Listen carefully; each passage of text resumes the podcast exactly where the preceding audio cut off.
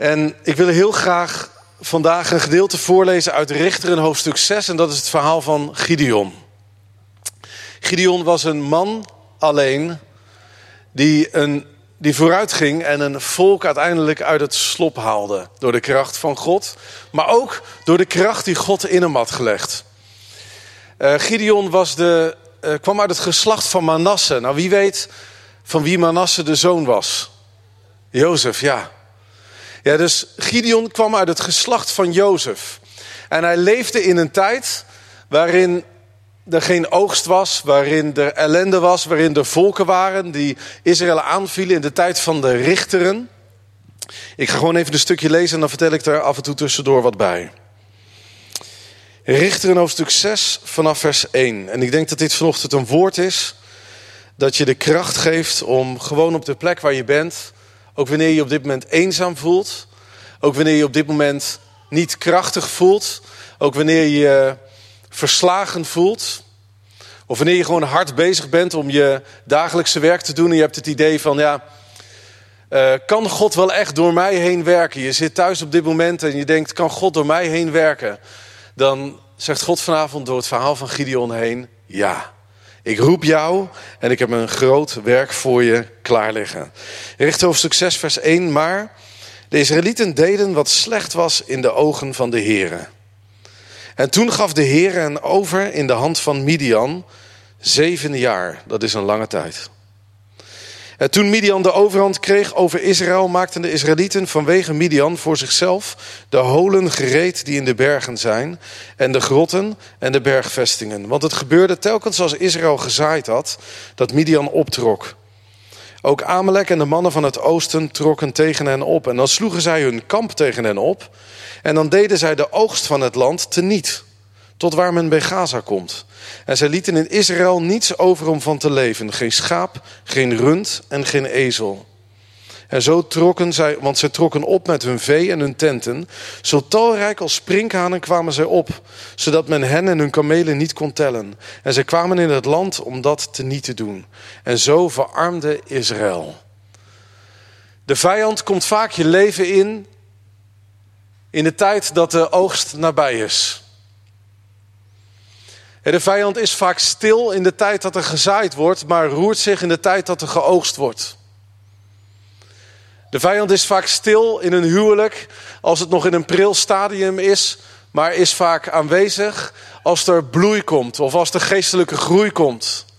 Midian viel Israël binnen in de oogsttijd. Niet in de tijd dat er gezaaid werd, Midian viel Israël binnen in de oogsttijd. En zo is het vandaag nog steeds. De vijand valt ons aan in de tijd dat er de meeste oogst te halen is, dat er de meeste opbrengst is.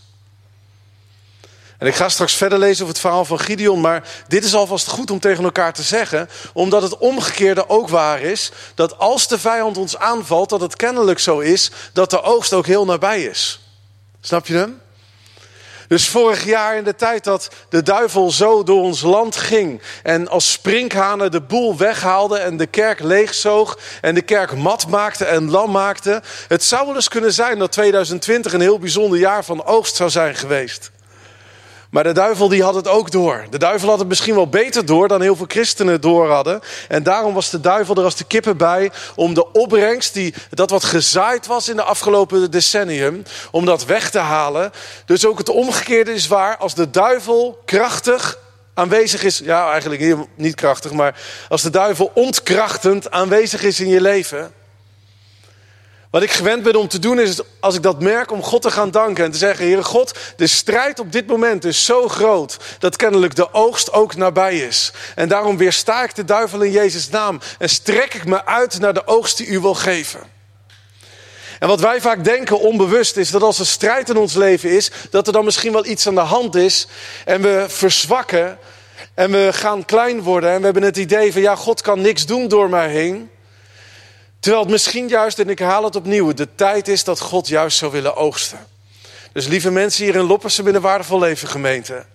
Probeer deze les je eigen te maken. Dat als de duivel je aanvalt, dat je in de counterattack gaat. Dat je in de tegenaanval gaat. En dat je juist God gaat aanbidden en hem gaat loven. En dat je het juist als signaal gaat zien dat de Heer Jezus een werk gaat doen in je leven.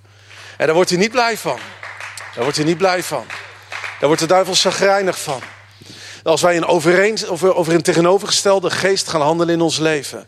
En het is een les voor de kerk van Nederland. En ik hoop dat we het ook leren uit de crisis van vorig jaar.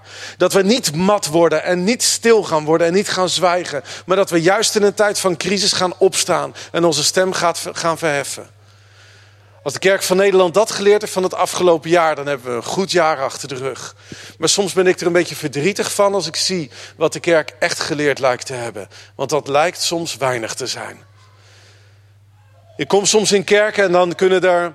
Nou, eerst waren er geen mensen welkom en toen waren er 30 mensen welkom en toen 60. En tegen de tijd dat 60 mensen welkom zijn, merk je dat er toch nog maar 40 mensen zijn. En dan zegt de voorganger een beetje verontschuldigend tegen me van ja, sorry. Um, er is nog wat, wat koudwatervrees.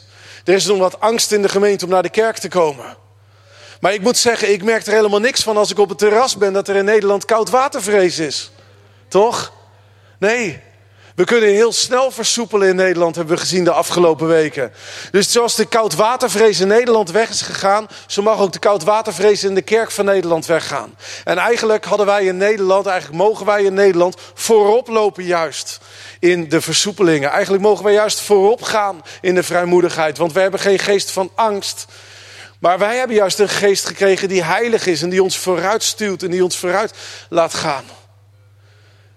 Het afgelopen jaar opnieuw zeg ik heeft laten zien dat er ontzettend veel mogelijk is. En laten we de duivel geen voet geven. Laten we hem niet het plezier geven van matheid en verslagenheid. Maar laten we handelen in de tegenovergestelde geest. En hier in de gemeente zijn mensen die weten waar ik het over heb. Ook in hun eigen en ook in jouw eigen persoonlijke leven. Nou, uiteraard wanneer de tegenstand groot is en wanneer we ons tot God keren, net zoals het volk Israël destijds, uiteraard geeft God dan uitredding. En zo gebeurde dat ook in Richter in hoofdstuk 6. Want er staat er in vers 11, toen kwam de engel van de Here wat is het goed als de engel van de Heer. We weten uit de Bijbel dat het de Heer Jezus waarschijnlijk is geweest. die in de persoon van een mens op aarde kwam. en af en toe even aanwezig was tijdelijk. Toen kwam de engel van de Heer. En het is een klein zinnetje, maar het is een groot wonder in een mensenleven. Dat wanneer je in een tijd van diepe crisis bent. En alle oogst is weggenomen. En de vreugde is weggenomen. En je wordt aangevallen door Midian in dit geval, de Amalek. Midian betekent twist. Amalek betekent volk van de diepte. Kerken en gezinnen en huwelijken worden vaak aangevallen door twist. Kerken en gezinnen en huwelijken worden vaak aangevallen door het volk van de diepte. Dat, als ik dit zo lees, dan denk ik dat is ook de diepte in ons eigen karakter. Tijden van crisis vergroten je karakter. En wanneer de vreugde is in je karakter, dan komt de vreugde uit. En wanneer de bitterheid is in je karakter, komt de bitterheid uit in tijd van verdrukking. En in dit geval twist was het volk binnengekomen. En het volk van de diepte kwam erbij. Karaktereigenschappen, vertaal ik het even naar onze tijd, werden uitvergroot. Karaktereigenschappen kwamen erbij. Maar staat er toen, vers 11. Toen kwam, vers 11. Toen kwam een engel. Toen kwam een engel van de Heer. Het zijn maar een paar woordjes en het zijn een paar letters, maar het is een enorme kracht die erin zit. Want toen, in die tijd van twist, in die tijd dat karaktereigenschappen werden uitvergroot, in die tijd van bitterheid en van strijd en van oogsteloosheid, zou ik bijna zeggen, en vruchteloosheid, toen kwam de engel van de Heer. En hij nam plaats. Waar nam hij plaats? op een bekende plek. Onder de eik die bij Ofra is, die aan de Abiezriet Joas toebehoorde. En zijn zoon Gideon stond daar tarwe uit te stampen in de wijnpers, om die voor de Midianieten te verbergen. En toen verscheen de engel van de Heere aan hem en zei tegen hem: Gideon, de Heere is met u, strijdbare held. Maar Gideon zei tegen hem: Och, mijn Heer, als de Heere dan met ons is, Waarom is dan dit alles ons overkomen? En waar zijn alle wonderen waarover onze vaderen ons verteld hebben toen zij zeiden: Heeft de Heer ons niet uit Egypte doen optrekken? Maar, maar nu heeft de Heer ons verlaten en ons in de hand van Midian gegeven.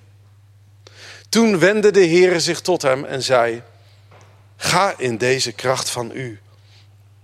En u zult Israël uit de hand van Midian verlossen. Heb ik u niet gezonden? Maar Gideon zei tegen hem: Och, mijn Heer, Het is goed wanneer je een tegenwerping hebt naar God, dat je dan God wel je Heer noemt. Och, mijn Heer, waarmee zal ik Israël verlossen? Zie, mijn familie is de armste in Manasse, mijn geslacht, en ik ben de jongste in mijn familie. Maar de Heere zei tegen hem, omdat ik met u zal zijn, zult u Midian verslaan, alsof het maar één man was. Het buitengewone verhaal van een man die geroepen werd in een tijd waarin het volk, zoals we net lazen, verstopt was in grotten en in holen. En zich terug had getrokken op plaatsen van koude, van vruchteloosheid. Want in grotten en holen kun je niet zaaien en in grotten en holen kun je ook niet oogsten. Dus de omgeving waarin Israël zich had teruggetrokken was koud, was vochtig, was zonder vrucht, was zonder oogst.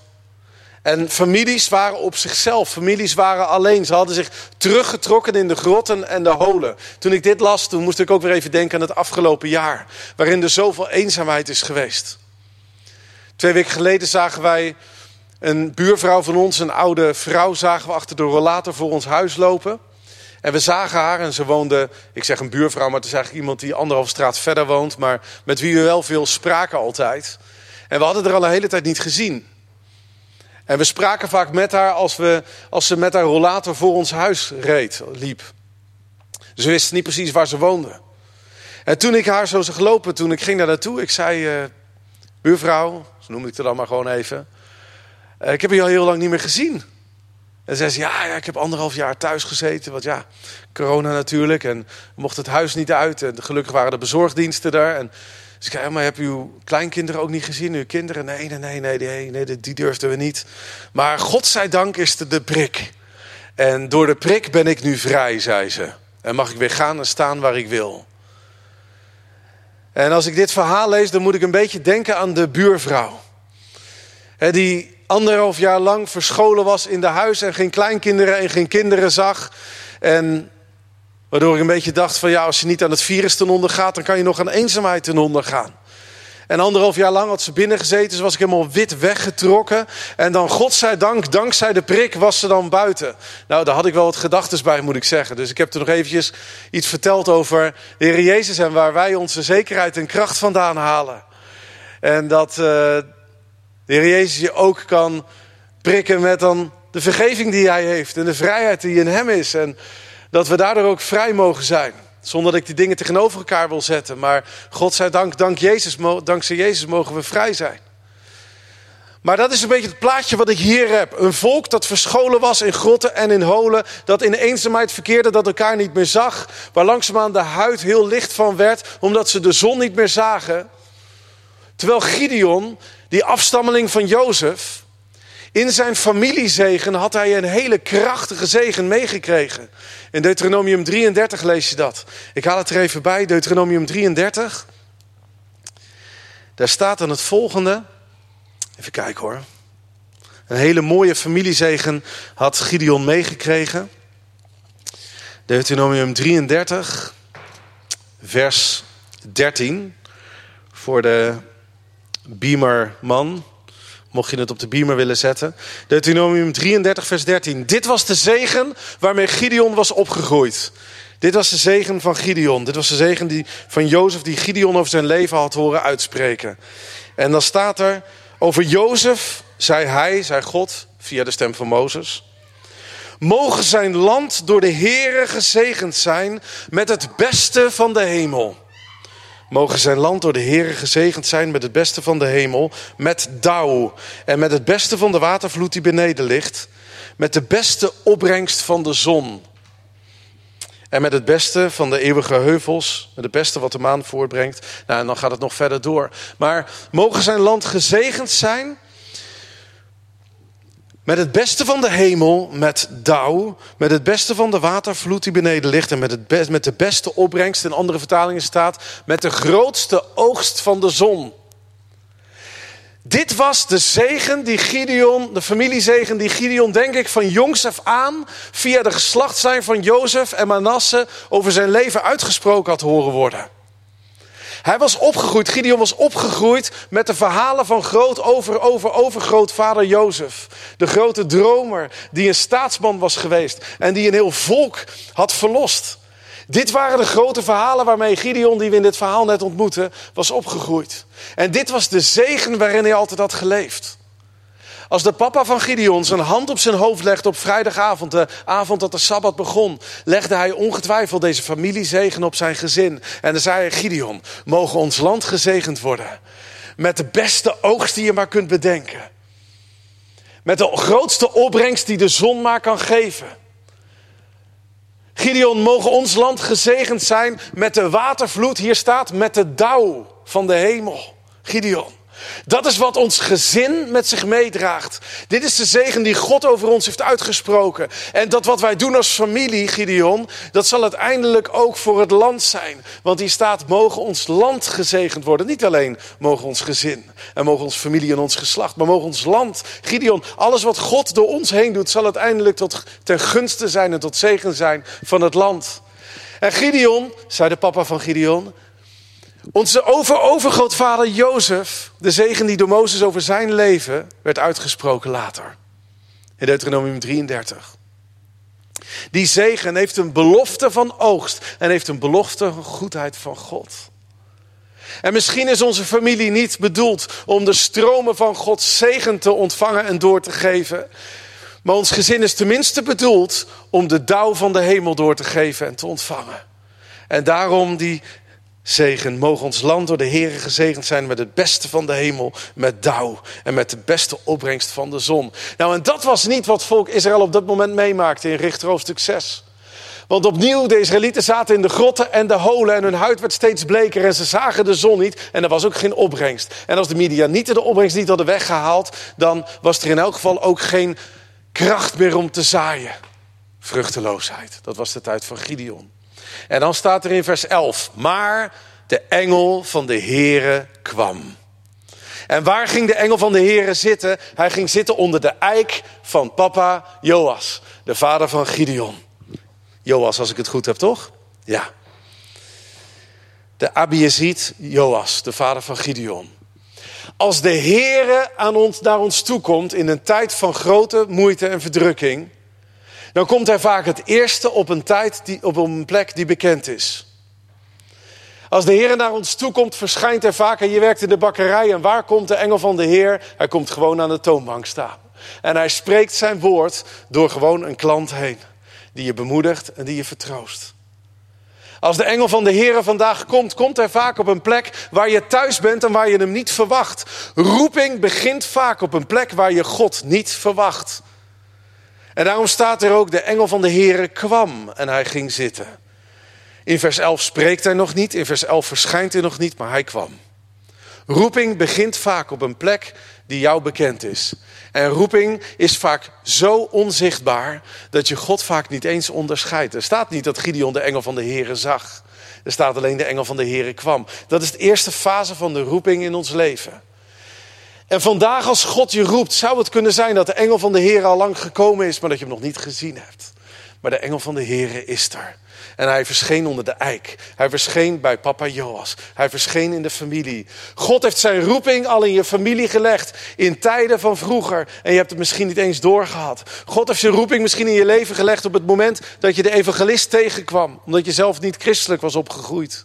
En dat iemand je het evangelie bracht. Maar met het evangelie bracht God ook roeping. Maar het is vaak zo onzichtbaar dat je het nog niet kunt onderscheiden. En je vraagt je af, kan ik de stem van God verstaan? Je vraagt je af, ben ik geroepen in een tijd als deze? En dan staat hier, de engel van de Heere kwam. En hij nam plaats onder de eik van de Abiesriet Joas, de papa van Gideon. Maar dan gaat de roeping van Gideon een stap verder, want dan staat er in vers 12: Toen verscheen de engel van de Heer aan hem en zei tegen hem. Waarom staat er pas in vers 12 dat de engel van de Heer verscheen? Omdat roeping, als God, als God komt, roeping gaat vaak in verschillende fases. De engel van de Heer kwam en hij nam plaats. En hij keek toe hoe Gideon graan was aan het stampen in de wijnpers. En hij keek toe hoe Gideon bezig was met zijn dagelijkse leven. En dan staat er, en de engel van de Heer ging een stap verder. Hij verscheen en hij begon te spreken. Roeping in ons leven gebeurt vaak in verschillende fases. Dus als je op dit moment in de fase bent waarin je nog niet de verschijning van God hebt ervaren en waarin je nog niet de stem van God hoort, betekent dat niet dat God je nog niet heeft geroepen. Nee, want de engel van de Heer is in je leven. En hij is gekomen op een plek die jou misschien maar al te bekend voorkwam. En in dit geval kwam de engel van de Heer in vers 11 op de plek waar Gideon bezig was met zijn dagelijkse werk. Hij was aan het stampen. En Gideon betekent hakker. En de hakker was aan het stampen. Gideon was misschien wel al zijn frustratie eruit aan het stampen. Terwijl hij bezig was om graan te stampen. Als ik dit lees, dan denk ik, ja, wat hij was aan het doen. Hij was gewoon zijn dagelijkse kostje bij elkaar aan het halen. En dat leek misschien geen grote heldendaad, maar één ding was in elk geval bijzonder in het leven van Gideon. Gideon was niet in een grot. En Gideon was ook niet in een hol. Gideon was in een wijnpersbak. Hij had in elk geval één ding gedaan dat de andere Israëlieten niet deden. Hij was uit de grotten en de holen gekomen. En daar was hij bezig in de wijnpersbak op die plek waar vreugde had moeten zijn. Want wijn is een symbool van vreugde. Wie weet nog meer? Vreugde. Waar zou wijn nog meer voor kunnen staan? Even een stukje participatie. Bloed, ja. Vreugde, feest, vrijheid, oogst, Israël. Als God het heeft over de wijnstok, heeft hij het vaak over Israël. Dus hij stond daar in een bak. En die bak die sprak van vreugde, van, sprak ook van het werk dat de Heer Jezus inderdaad uiteindelijk zou gaan doen. Sprak van vrijheid, sprak van Israël, sprak van oogst. En Gideon stond op die plek en het laatste wat hij ervoer was oogst. En het laatste dat hij ervoer was vrijheid. En het laatste dat hij ervoer was vreugde. En hij ervoer al helemaal niks van de aanwezigheid van Jezus in zijn leven, van God. En hij ervoer al helemaal niks van Gods grote plan met Israël. En daar stond hij in die bak. En hij was daar aan het stampvoeten. En terwijl hij daar was aan het stampvoeten, was hij het graan aan het zeven. En was hij het graan stuk aan het slaan om gewoon zijn dagelijkse brood bij elkaar te halen. En wat ik hier mooi aan vind, zie als God roept in ons leven, in een tijd van verdrukking, dan komt hij gewoon op de plek, allereerst, waar je gewoon bezig bent, om je dagelijkse brood bij elkaar te halen. Om gewoon te zorgen voor de mensen om je heen. Waar je misschien in je frustratie staat te hakken en te stampen. En waar je bezig bent, je wil eigenlijk vreugde ervaren. En je wil eigenlijk vrijheid ervaren. En je wil zo graag de Heer Jezus ervaren. En die kracht van het bloed wil je ervaren. En je wil zo graag het grote plan zien van God voor zijn volk. Maar je bent aan het stampen en je bent maar met één ding bezig. En dat is gewoon je dagelijkse eten bij elkaar te halen. En wat ik mooi vind is dat de engel van de Heer komt op een plek waar Gideon bezig was om zijn dagelijkse brood te verdienen. Dat is de plek waar God mensen roept. Daar waar mensen gewoon bezig zijn met de dingen van alle dag. Daar verschijnt de engel van de Heer graag. Ja, als God je roept, hoef je niet te gaan naar allerlei plekken waarvan je denkt van ja, daar is vreugde en daar is vrijheid en daar nee. God roept je gewoon op de plek waar je gewoon bezig bent. En dit is een troost voor heel veel mensen hier in de zaal. Omdat je je afvraagt, ja, kan God ook mij gebruiken? Ja, hij kan jou gebruiken. Hij verschijnt onder de eik op de plek van alledaagsheid. En hij verschijnt gewoon tijdens je dagelijkse werk. Ja, je zou heel graag vreugde willen ervaren, maar vreugdeloos sta je te stampen en sta je je kostje bij elkaar te halen. En juist daar verschijnt de engel van de Heer. En dan staat er in vers 12. Hij begint op die plek van alledaagsheid, begint hij te spreken. En wat hij dan zegt is geweldig. Hij zegt, lieve mensen in Loppersum, Gideon, de Heere is met u strijdbare held. Gideon voelde zich niet strijdbaar. Gideon voelde zich net zoals ik me vaak voel. Ik voel me geen held en ik voel me ook geen strijdbaar. En toch roept God mij. Gideon voelde zich zoals jij en zoals u zich vaak voelt. Je voelt je niet strijdbaar en je voelt je geen held. Maar toch roept God je. God, toch roept God u. De Heere is met u strijdbare held. En dan komt de eerste maar. Maar Gideon zei tegen hem. Och mijn Heer, als de Heere dan met ons is. Waarom doet hij dan niet vandaag dezelfde wonder als die hij gisteren deed? En heren, ik ben opgegroeid met de verhalen van overgrootvader Jozef. Ik ben opgevoed met de verhalen van de Bijbel en ik heb gehoord dat u een God bent van wonderen, maar ik ervaar geen wonderen in mijn leven. Ik ervaar overspanning, ik ervaar uitputting, ik ervaar dat ik aan de grond zit. Ik ervaar geen wonderdoende God. Ik voel verlatenheid. Ik voel verdriet. Zijn hier mensen in de zaal, je hoeft je hand niet op te steken, maar hier zijn mensen in de zaal. En je ervaart verlatenheid. En je ervaart verdriet. En je voelt je niet strijdbaar. Laat staan dat je je een held voelt.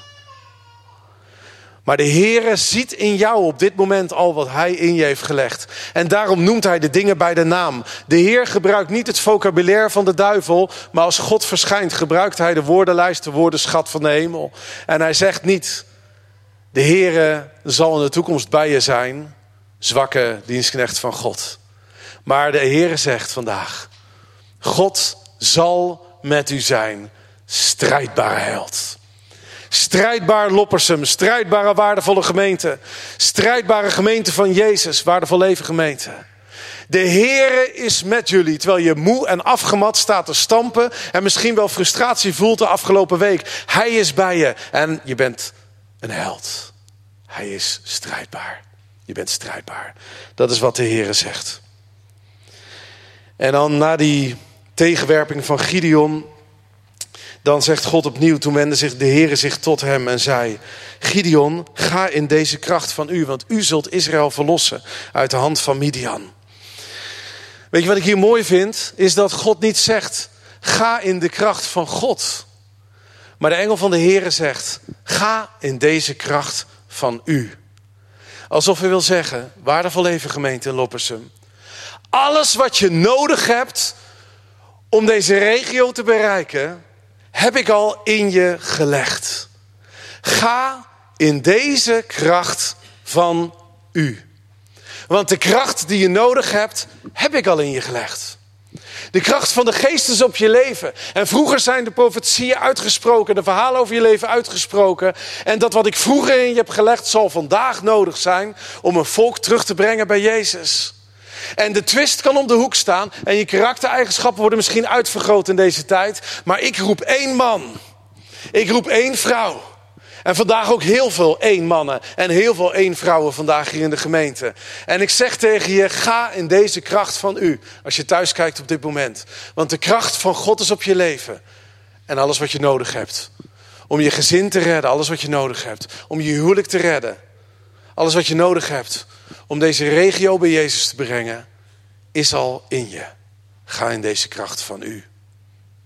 Maar, zegt Gideon, maar hij zei tegen hem, och, mijn Heer, waarmee zal ik Israël verlossen? Zie, ik voel me klein en arm en mijn familie stelt niks voor. En dan spreekt God het ultieme woord. Dan staat er opnieuw een maar. Maar deze keer niet de maar van een tegenwerping, maar de maar van God. Maar de Heer zei tegen hem, omdat ik met u zult, zal zijn zult u Midian verlossen. Alsof het één man is. U zult met hem vechten alsof het één man is. Vader, op dit moment bid ik over deze gemeente. En ik bid over de mensen thuis, maar ook over de mensen hier in de zaal. Ik bid, Vader, en laten we even op gaan staan. Zo op gaan staan voor de Heer. Ik bid, Vader, als we hier staan, één voor één, man voor man, vrouw voor vrouw. Dat we zullen ervaren en ontdekken hoe ontzettend grote kracht is die u in, in deze mensen hebt gelegd en in mij hebt gelegd. Heer, u weet, ik voel me vaak geen held. Ik voel me eigenlijk nooit een held. Heer, ik voel me vaak niet strijdbaar. Ik voel me vaak klein. Ik voel me vaak zwak. Ik voel me vaak de kleinste van het gezin en de zwakste van mijn geslacht.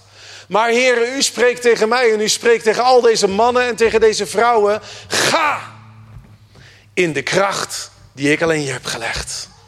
Want Gods geest is op je leven. En op jouw leven is vrijheid. Op jouw leven is vreugde. Op jouw, op jouw leven is Jezus. En je zult gaan en je zult een geslacht redden van de duivel.